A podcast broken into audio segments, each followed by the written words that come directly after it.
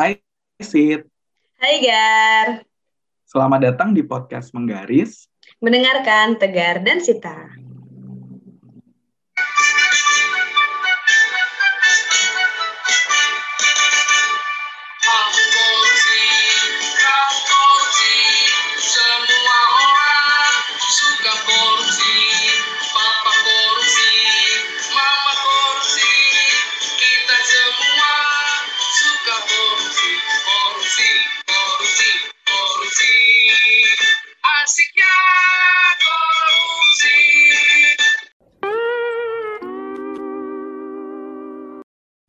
Oke, ada lagu kebangsaan korupsi nih dari Pijaru, Korupsi Anthem.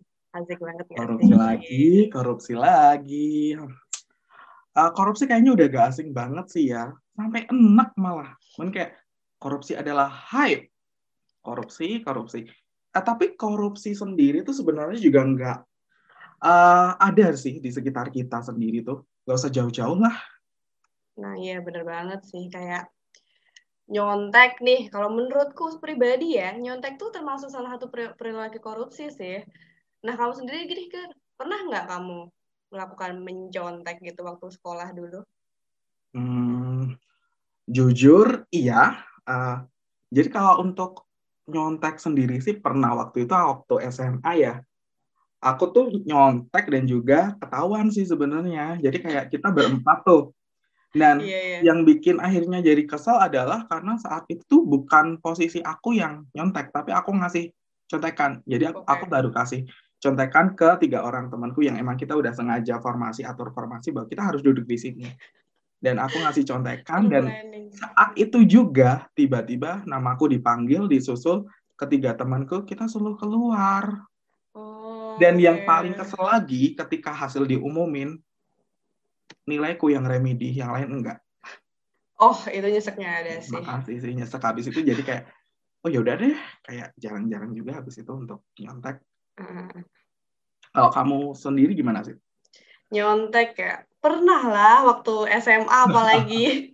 itu kayaknya kayak puncaknya aku nyontek sih sampai dulu tuh yang bikin epic tuh kayak satu angkatan nih beberapa orang beberapa oknum nggak dan banyak sih tuh kayak mungkin ada deh 20-30an orang gitu Hmm? kita bikin grup lain yang isinya orang-orang yang emang mau nyontek gitu Oh, Cukup canggih ya. Eh, eh, canggih. Ada teknologinya kan di kelas 2 gitu.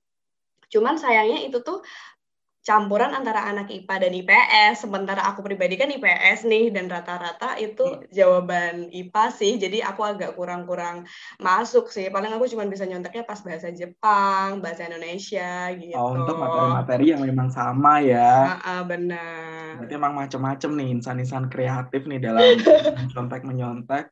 Bahkan dulu tuh teman aku tuh ada loh yang sampai dia fotokopi buku materi itu full, dia bikin ukuran kecil seukuran buku saku pramuka dan dia Gila. bawa dong pas ujian. Sukses nggak tuh? Mantep sih, itu bener-bener apa ya, terniat sih. Kalau yang kayak gitu juga ada sih di tempatku, tapi bukan eh, buku ya, bukan kita bikin buku Mm. kecil. Sama nih, waktu itu bahasa Jepang kan ada huruf hiragana katakana gitu. Kita fotokopi perkecil, tapi kita pakai mika fotokopinya bukan kertas. Jadi kalau kita bawa ke ruang ujian nih, mikanya kita tempel di soal ujian itu nggak ketahuan. Agak nyaru gitu ya tulisannya. Heeh, bener banget. Nah, ngomongin soal nyontek nih, kebetulan kan kita kemarin juga udah ngadain kuis tuh, kuis kecil-kecilan gitu deh. dikata ilmiah ya nih kita pakai kuis-kuisan. Eh, jadi kita ngadain survei kecil-kecilan nih yang tentunya tidak ilmiah. Benar di akun sekali. Instagram at Ananta Tegar, at Rosita Nevi, at Septa Alfa, dan uh, at Andika 30 Putra, dan juga at Fajar Arif underscore. Oke, dari lima akun tersebut, survei membuktikan Jeng jeng jeng jeng. Asik. Dari 300 orang, 243 di antaranya perilaku menyontek. Buset. Bayangin, hampir semuanya itu. Luar biasa nih contek mania, contek mania nih gimana nih suaranya? Rata-rata juga seumuran kita ya respondennya karena itu kan kayak followers kita ya rata-rata 90 sampai 2000 lah Mhm. kelahirannya. Lalu selalu selain mencontek nih apalagi ya kira-kira yang perilaku korupsi tapi ada di sekitar kita nih, Gar. Fix nyerobot antrean itu fix parah banget sih itu. Setuju banget sih. Kalau diserobot juga kesel banget sih aku jujur aja nih ya. Pihak-pihak penyerobot ini. Nah, kita juga akan baca respon teman-teman juga sih yang pernah nggak sih nyerobot antrean? Oke, ada nih salah satu orang. Dia ngerespon di beberapa question box kita nih. Jadi nggak cuma di aku, tapi kayak juga di Tegar, di Fajar, di Andika, dan juga Bisa di Alfa. nih Iya. Dia ngomong gini, pernah bro pas tunggu bayar di kasir, itu satu. Yang kedua, Oke. pernah pas tapping kartu, kayaknya itu uh, Wow, buat oke. MRT kali ya.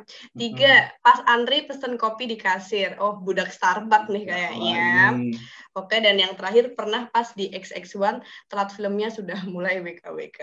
Ini kayaknya Oh, masnya atau mbaknya ini contoh yang kurang baik ya. Dia kayaknya hobi nih untuk Hobi men- ya. untuk menyerobot antrean. Nah, nyerobot adalah passion. Gitu Ya, kan. benar sekali. Nah, terus ada lagi nih yang ngerespon bahwa eh, pernah biar cepet dan yang lain juga pada gara nggak teratur gitu sih. Oh, jadi kayak dia ngelihat yang lain nggak teratur, ngikut. Iya, oh, ada benar. lagi nih yang pernah juga karena keretanya hampir berangkat dan juga nih waktu di bandara dia pernah pas mau check in pesawat karena keburu udah telat gitu ya kayak Kayaknya kalau itu sih lebih ke didahulukan mungkin orang lain lebih maklum kali ya. ya bisa sih Ah, ah, ah. Ada juga nih yang udah keburu kesel. Jadi dia sebenarnya waktu beli sarapan? Diserobot mulu nih sama emak sama ibu-ibu Wow. nih. Jadi karena dia kesel kayak pernah nih pas beli sarapan soalnya diserobot di duluan sama emak-emak. Wah, jiwa-jiwa rebel sih ini. Nah ini nih.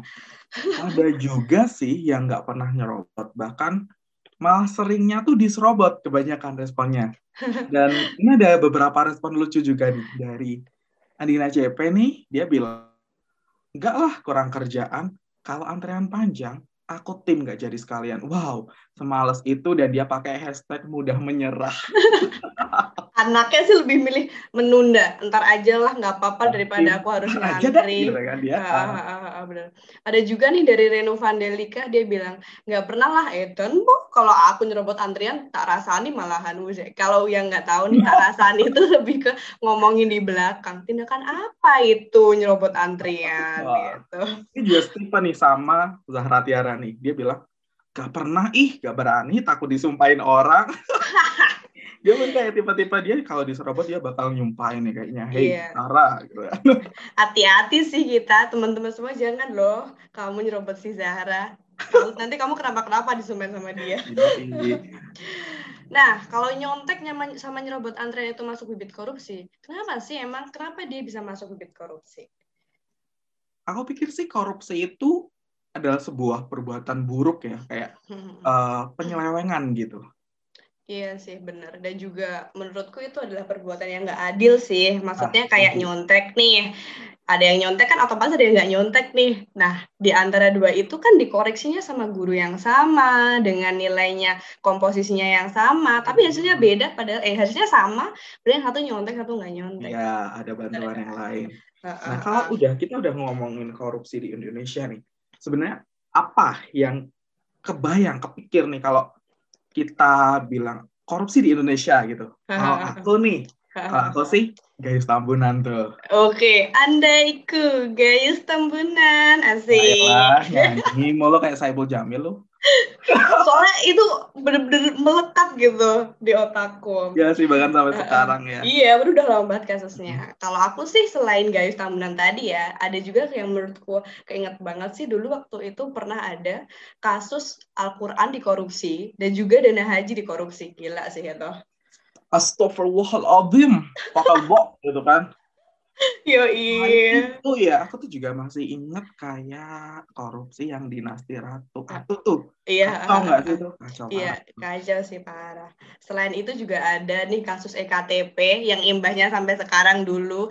Aku lama banget dapetnya, ya ampun. Itu kartu EKTP lama sekali. Mohon maaf nih, ngurus KTP lama amat nih ya. Bahkan kemarin kayaknya ada juga deh yang daftar PNS, daftar CPNS gitu. Mereka masih pakai surat keterangan gitu, soalnya belum dapet KTP, Agak EKTP. susah ya. Mm-mm. Mm-mm. Nah, kalau kasus yang masih hangat-hangat nih apa ya, Gar? Kira-kira? Kalau yang hangat sih aku kayak inget jadi pengen makan seafood nih. Waduh, lobster tuh. Korupsi bibit lobster. Iya, iya, iya, iya. Kalau aku sih lebih keinget duit cebanan deh, ya nggak Ah, sih? ini nih berat nih, bansos nih. Yoi. Bisa-bisaan deh pas pandemi gini nih, orang lagi susah kerjaan, banyak yang gajinya dipotong, ada yang freelancer gak dapat apa-apa. Kepikiran aja ya, celahnya korupsi ini aja, insan-insan korup mania, astaga. Nah ini nih, dan juga yang kalau yang paling baru nih, terkait suap di DJP, tahu nggak? Kalau suap DJP sih enggak ya. Aku masih ingatnya sih yang di Gayus itu. Emang ada lagi ya? Oh, tenang, tentu kamu ternyata nggak sendirian kok. Banyak juga teman-teman di sini yang masih belum tahu kasus ini karena ada 70 orang dari 200 responden dari survei Instagram tadi ternyata belum tahu juga. Oh, oke. Berarti aku bukan sendiri ya. Kalau begitu tolong dong, Pak. Jelasin dikit tentang kasusnya tadi. Jadi eh, KPK ini membuka penyelidikan baru nih terkait Mhm. kasus dugaan suap terkait penurunan nilai pajak di DJP itu. Nah, modusnya adalah pejabat pajak nih diduga terima suap dari wajib pajak. Nah, dugaan kasus suapnya ini kisaran puluhan miliar di Hmm. awal 2020. Nah, KPK ini belum menetapkan tersangka, cuma dari Kemenkeu sendiri udah mencopot pegawai yang diduga terlibat suap itu sih. Oh gitu. Emang banyak ya kasus korupsi di pemerintahan. Eh tapi BTW nih, emangnya korupsi cuma di pemerintahan aja ya? Kalau menurutku sih tetap nih ada aja tangan-tangan di luar pemerintah ya yang ikut andil Hmm. dalam kasus korupsi itu. Nah, oh ya aku juga udah tanya nih sama responden survei. Eh, ada dari Mas Giri nih kayak gini. Mainkan. Uh, porsinya paling besar dan paling ketahuan biasanya di pemerintah. Oke, gitu ya. Eh, iya juga sih kalau pemerintah karena harusnya tuh tanggung jawab karena mereka tuh tanggung jawab duit rakyat ya. Jadi ya ke blow up banget sih daripada yang swasta-swasta. Bener banget Nah, sih. ini juga ada nih dari respon kedua dari Isti. Silahkan dimainkan. korupsi cuma ada di pemerintahan atau enggak kalau menurutku enggak bisa di semua aspek sih korupsi bahkan uang kas kelas aja bisa dikorupsi Ya juga sih agak speechless ya. Hmm. Cuma kan juga emang ada juga loh yang kayak udah nyetor duit buat beli jaket angkatan tuh. Eh, tapi nyampe lulus kagak ada juga tuh jaket. Ya, ayo Nah. insan-insan dibohongi kor angkatan ini. banget gak sih? Cry banget. Nah, kalau respon dari Faiz nih, gini nih. Mainkan. Biasanya ya yang aku tahu tuh kayaknya kalau korupsi itu ya dari pemerintahan terus pemberi suapnya dari pihak swasta gitu. Oke, oke. Nah, tadi kan kita udah bahas nih beberapa kasus korupsi di Indonesia dan dengar beberapa respon teman-teman nih. Kira-kira korupsi bisa hilang nggak sih di Indonesia? Nah, kita nih akan bacain juga nih respon dari teman-teman dari survei Instagram yang udah kita lakuin. Nih, yang pertama nih dari Ati. Dia ngerespon budaya. Wow. Singkat. Uh, dikatakan Padat. tortor karya, budaya, Hilka. iya, ini nyambung sih di ke komennya Ed Faris FKH. Nggak bisa, soalnya udah mendarah daging dari penjajahan Belanda. Jadi udah dari dulu, jadi kayak jadi budaya sih itu susah emang. Hmm. Uh, lanjut nih, ada insan-insan kreatif nih, Aziza Diantono nih, dia bilang bisa dilegalin aja itu suap dan kawan-kawan. Wow, Oke, dengan trik. sarkasnya dapet sih ini, dilegalin aja. Oke lanjut, ini dari Kosya Roni, bisa, tapi sangat sulit, soalnya masih ada titip absen, nyontek, pakai orang dalam, oh iya, mulai dari hal-hal kecil itu masih banyak sih, bener sih kata dia. Itu sesuai juga sih kayak respon dari Mahandania dan Anda Bras nih, dia bilang, angel, US angel, angel. Aduh, Syah, ini gitu kan. orang Jawa syah? spotot banget, ah, udah syu syah. Pakai shot gitu kan, ah. ngeras huruf shot. Terus ini juga ada dari Amalia Hardiani, Hardiani Lia dan Isyana Yuvita. Bisa kalau hukumannya mati. mungkin langsung pada takut korupsi sih menurutku ya juga. Masih. Nah, ini nih uh, insan-insan kreatif lagi dari Andina CP. Dia ngerespon kalau kiamat hilang sih uh, ya benar juga sih, Iya. cuma kayak mohon maaf tolong jangan dalam waktu dekat gitu ya. Iya. Kita masih ngumpul-ngumpulin pahala. Iya, mohon maaf nih. Kalau kiamat gak cuma koruptor aja, semuanya juga hilang sih. Mohon maaf nih kita kayak hilang juga Heeh. gitu kan. Terus tapi ini ada yang optimis nih dari Anggoro BR. Bisa kalau seluruh masyarakat Indonesia dan pejabat tahu arti bersyukur. Ya benar banget. Luar Kita harus bersyukur guys dengan Benar-benar. apa yang kita punya. bersyukur sih. Heeh, bersyukur is the key. Terus ada juga nih respon langsung dari Puspita kayak gini nih. Mainkan. Menurut saya, korupsi akan sangat susah untuk hilang dari Indonesia karena pada dasarnya yang mendasari perbuatan korupsi itu sendiri adalah balik ke niat dari orang pribadi, sehingga yang menjadi kontrol akan perbuatan tersebut balik ke orang pribadi itu sendiri. Dan dari berbagai maraknya kasus yang ada, hal itu disebabkan karena masih lemahnya hukuman ataupun sanksi yang diberikan kepada pihak koruptor itu sehingga penyelewengan dan juga adanya kesempatan dan celah membuat korupsi sangat mudah untuk dilakukan di kalangan masyarakat. Oke nih dari Pusita. Kemudian nih satu lagi nih dari Mayora. Iklan ya kak. Eh, jujur bukan endorse, jujur tapi ingin. Ayo Ada dong. dari Wildan nih kayak gini nih. Mainkan. Wow, bakal hilang atau enggak? Ya, saya pribadi sih menginginkan eh, apa ya korupsi itu tidak ada agar agar semua pilihan ekonomi dan lain-lain bisa terwujud yang dicita-citakan oleh negara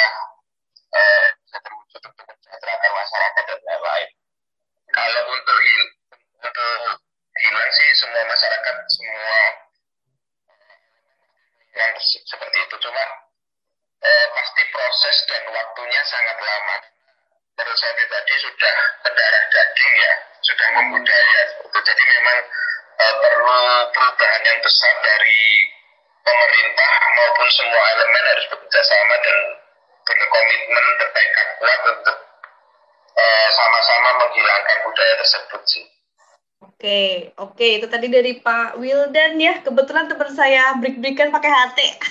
Atau Wildan ada hati mania kayak Iya, jadi suaranya agak-agak keren juga sih kalau aku sih suka.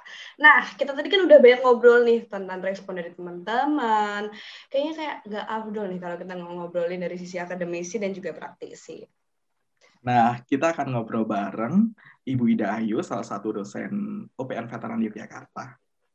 Oke, baik. Kita tadi udah bahas banyak nih, Bu. Terkait respon teman-teman, terkait korupsi, juga dari hal-hal terdekat kita. Seperti nyontek dan nyerobot, nyerobot antrean. Nah, pengalaman Ibu sendiri nih. Pernah nggak sih, Bu, sharing? Dulu pernah nggak, Bu, nyontek atau nyerobot gitu?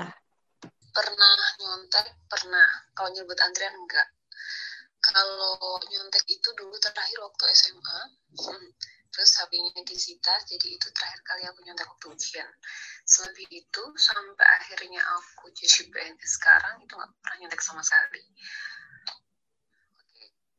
Oke, lebih ke trauma ya, Bu. Dulu pernah ketawa, jadi itu ke trigger jadi nggak jadi nyontek gitu.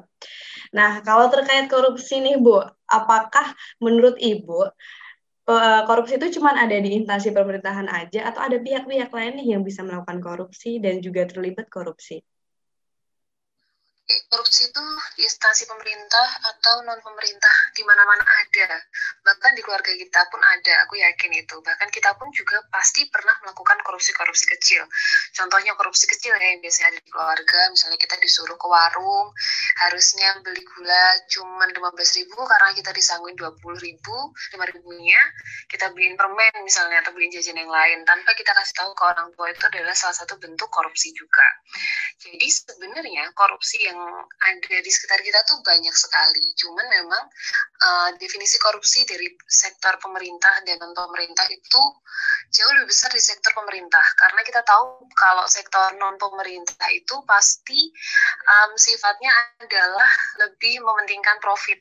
Jadi kalau lebih mementingkan profit berarti dia akan lebih kuat untuk internalnya dibandingkan dengan sektor pemerintah yang dia tuh lebih banyak untuk struktur lapisan uh, struktur organisasinya. Jadi kalau misalnya kita pakai struktur organisasi yang panjang, maka peluang untuk mengadakan uh, melakukan korupsi akan jauh lebih besar gitu karena sesuatu yang harusnya bisa dipersingkat tapi malah diperpanjang gitu. Oh, jadi struktur itu menurut Ibu juga berpengaruh juga ya, Bu. Nah, kalau menurut pendapat Ibu selanjutnya nih, korupsi di Indonesia ini mungkin nggak sih bakalan hilang? Menurut aku enggak karena budaya kita ya terkait dengan cultural dimension menurut uh, beberapa penelitian. Jadi uh, budaya Indonesia itu adalah budaya musyawarah, mufakat, dan biasanya lebih ke arah gotong royong. Padahal sebenarnya korupsi itu akan terjadi sangat luar biasa dampaknya ketika kita saling bergotong royong untuk saling menutupi kesalahan satu sama lain dan memperkaya diri sendiri atau golongan. Jadi menurutku korupsi Indonesia mungkin akan berkurang kalau uh, hukumnya berjalan dengan baik dan semua orang memiliki hati nurani yang jauh lebih baik dibandingkan dengan sekarang. Tapi untuk hilang, aku rasa aku nggak percaya akan hilang. Gitu. Oh begitu ya Bu. Nah kalau yang pertanyaan terakhir nih, bagaimana sih Bu cara kita menghindari perilaku korupsi dimulai dari diri kita sendiri? cara menghindari korupsi kita pertama harus idealis ya kita udah tahu kita harus tahu aturan kita juga harus tahu lingkungan jadi antara aturan dengan lingkungan itu pasti ada slack di sana ya. Maksudnya ada kesenjangan antara aturan dengan lingkungan. Um, lingkungan biasanya adalah beberapa norma yang sudah dipakai di situ walaupun melanggar aturan gitu. Jadi sebenarnya kita sebagai orang baru pasti akan mendapati bahwa aturan itu tidak sesuai tidak diterapkan di lingkungan yang seharusnya gitu. Jadi menurut aku cara menghindari korupsi adalah kita harus idealis, kita harus tahu aturan, kita harus tahu hak dan kewajiban kita. Jika itu bukan merupakan hak dan kewajiban kita, kita nggak perlu untuk ikut campur dan sebisa mungkin untuk menghindari hal-hal atau persekongkolan yang akan menyebabkan kerugian bagi diri sendiri maupun orang lain. Semoga beruntung dan semuanya semoga lancar diksanya. Dadah. Amin. Dadah Ibu. Terima kasih sudah berbagai banyak pendapat di podcast ini. Nah, selanjutnya kita akan ngobrol bareng Pak Alfi selaku PIC Unit Kerja KPK Koordinasi Wilayah Kerja Kalimantan Timur dan juga dengan Bapak Budi Sulistiawan selaku pemeriksa BPK. Uh, eh, selamat pagi Pak Alfi dan Pak Budi. Nah, uh, menurut Bapak sendiri apakah korupsi itu cuma ada di pemerintahan aja atau ada peran pihak non pemerintah nih yang turut andil dalam korupsi? Uh, silakan Pak Alfi. Selamat pagi. Uh, terkait pertanyaan apakah korupsi di Indonesia hanya di instansi pemerintah saja, tentunya uh, tidak ya. Karena kita tahu bersama bahwa korupsi itu uh, melibatkan peran serta uh, dua atau uh, beberapa pihak.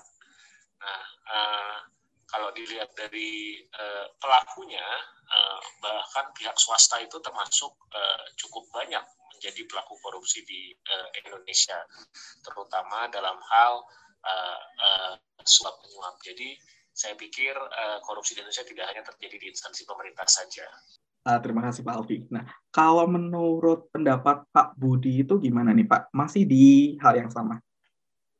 Silahkan Pak Budi. korupsi terjadi di pemerintahan maupun non pemerintahan baik di perusahaan maupun di dalam organisasi non formal yang ada di lingkungan sekitar kita.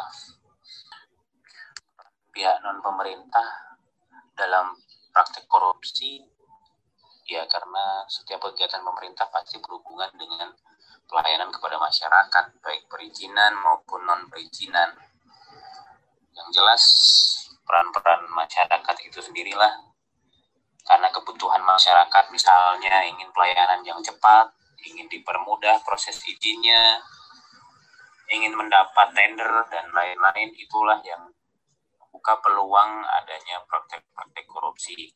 Yaitu semua muncul karena kadang pelayanan pemerintah itu tidak secepat dan sesuai prosedurnya. Ada oknum-oknum yang membuka peluang, ya. membuka celah-celah uh, pelayanan publik sehingga masyarakat diberikan uh, kemudahan tertentu. Orang-orang yang memiliki akses tertentu, akses khusus, itulah yang mendapat perlakuan khusus dan menyuburkan praktek korupsi yang ada di Indonesia. Oh, baik, Pak. Nah, setelah kita bicara tentang siapa yang berperan dalam korupsi di Indonesia, nah terkait korupsi di Indonesia itu sendiri nih, Pak, eh, kira-kira apakah bisa hilang atau tidak nih, dan bagaimana cara kita menghindari korupsi itu dimulai dari diri kita sendiri. Nah, eh, menurut Pak Budi, bagaimana nih, Pak? Apakah korupsi akan ada atau bisa hilang? di Indonesia ini ya kembali kepada pribadi kita. Kalau saya sendiri yakin korupsi itu akan bisa hilang. Tentunya dengan kesungguhan dari para pemimpin negeri ini. Yang penting dicontoh, yang penting itu contoh presiden dimulai dari presiden, kemudian anak buahnya, kemudian diikuti dengan norma-norma hukum yang diperlakukan secara tekat dan secara ketat dan tegas. Harapan saya seperti itu. Cara menghindari korupsi dari diri sendiri adalah mulailah untuk tidak mengambil hak yang bukan hak Anda. Laksanakanlah kewajiban Anda sebagai kewajiban yang berasal dari diri sendiri, bukan terpaksa ya mungkin itu ya cara untuk menenangkan kepada diri sendiri untuk tidak melakukan korupsi walaupun dalam hal kecil yang kita lakukan sehari-hari. Ah baik Pak. Nah uh, kembali lagi di hal yang sama nih Pak Alfi. Nah menurut pendapat Pak Alfi sendiri bagaimana nih Pak terkait hal itu? terkait korupsi tidak akan hilang, saya tidak percaya. Saya sangat percaya bahwa suatu saat korupsi itu bisa uh, hilang. Bahkan kalau kita lihat uh, kita menuju ke arah yang benar dalam hal uh, uh, pencegahan dan pemberantasan korupsi. Nah, ini menyambung juga dengan uh, pertanyaan ketiga, cara menghindari korupsi dimulai dari sendiri, diri sendiri. Ya ini yang paling penting sebenarnya. Kalau kita mau korupsi di Indonesia itu akan hilang. Yang pertama itu rumusnya adalah dimulai dari diri sendiri, dimulai dari hal kecil, dimulai dari sekat juga. Sebagai contoh, cara menghindari korupsi dari diri sendiri, hal-hal kecil yang bisa kita lakukan sehari-hari, misalkan dimulai dari tertib berlalu lintas. Bagaimana kita bisa menghargai aturan dalam berlalu lintas, itu akan menjadi gambaran uh, apabila nantinya kita uh, mendapatkan kekuasaan yang lebih besar hal-hal lain misalkan dalam hal uh, disiplin waktu kemudian uh, apa namanya uh, uh, taat kepada aturan hal-hal kecil seperti bagaimana kita bisa menghormati antrian hal-hal seperti itu. Kami percaya bahwa uh, korupsi bisa hilang ketika kita atau semua orang bisa menerapkan sembilan nilai anti korupsi yang bisa disingkat sebagai jupe mandi tangker sebedil yaitu bagaimana uh, kita semua harus bisa jadi pribadi yang jujur peduli mandiri disiplin tanggung jawab kerja keras sederhana berani dan adil kalau semua uh, person di Indonesia bisa uh, me, me, mengamalkan nilai-nilai tersebut maka kami sangat percaya bahwa korupsi itu bisa segera hilang Baik, Pak Alfi. Nah, uh, terima kasih kepada Pak Budi dan Pak Alfi yang telah meluangkan waktunya untuk sharing pendapatnya di podcast ini. Uh, dan pendapat tadi merupakan pendapat pribadi dari masing-masing narasumber dan bukan mewakili instansi.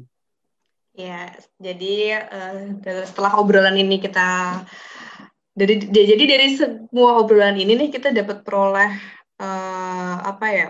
Bukan conclusion sih, akhirnya gitu. Jadi kalau korupsi ini sebenarnya masih menjadi fenomena di negeri ini dan kita harus peduli akan hal itu dengan menyadari untuk tidak berperilaku korupsi. Itu dimulai dari diri kita sendiri. Benar banget. Jadi, uh, korupsi benarkah tidak akan hilang di Indonesia?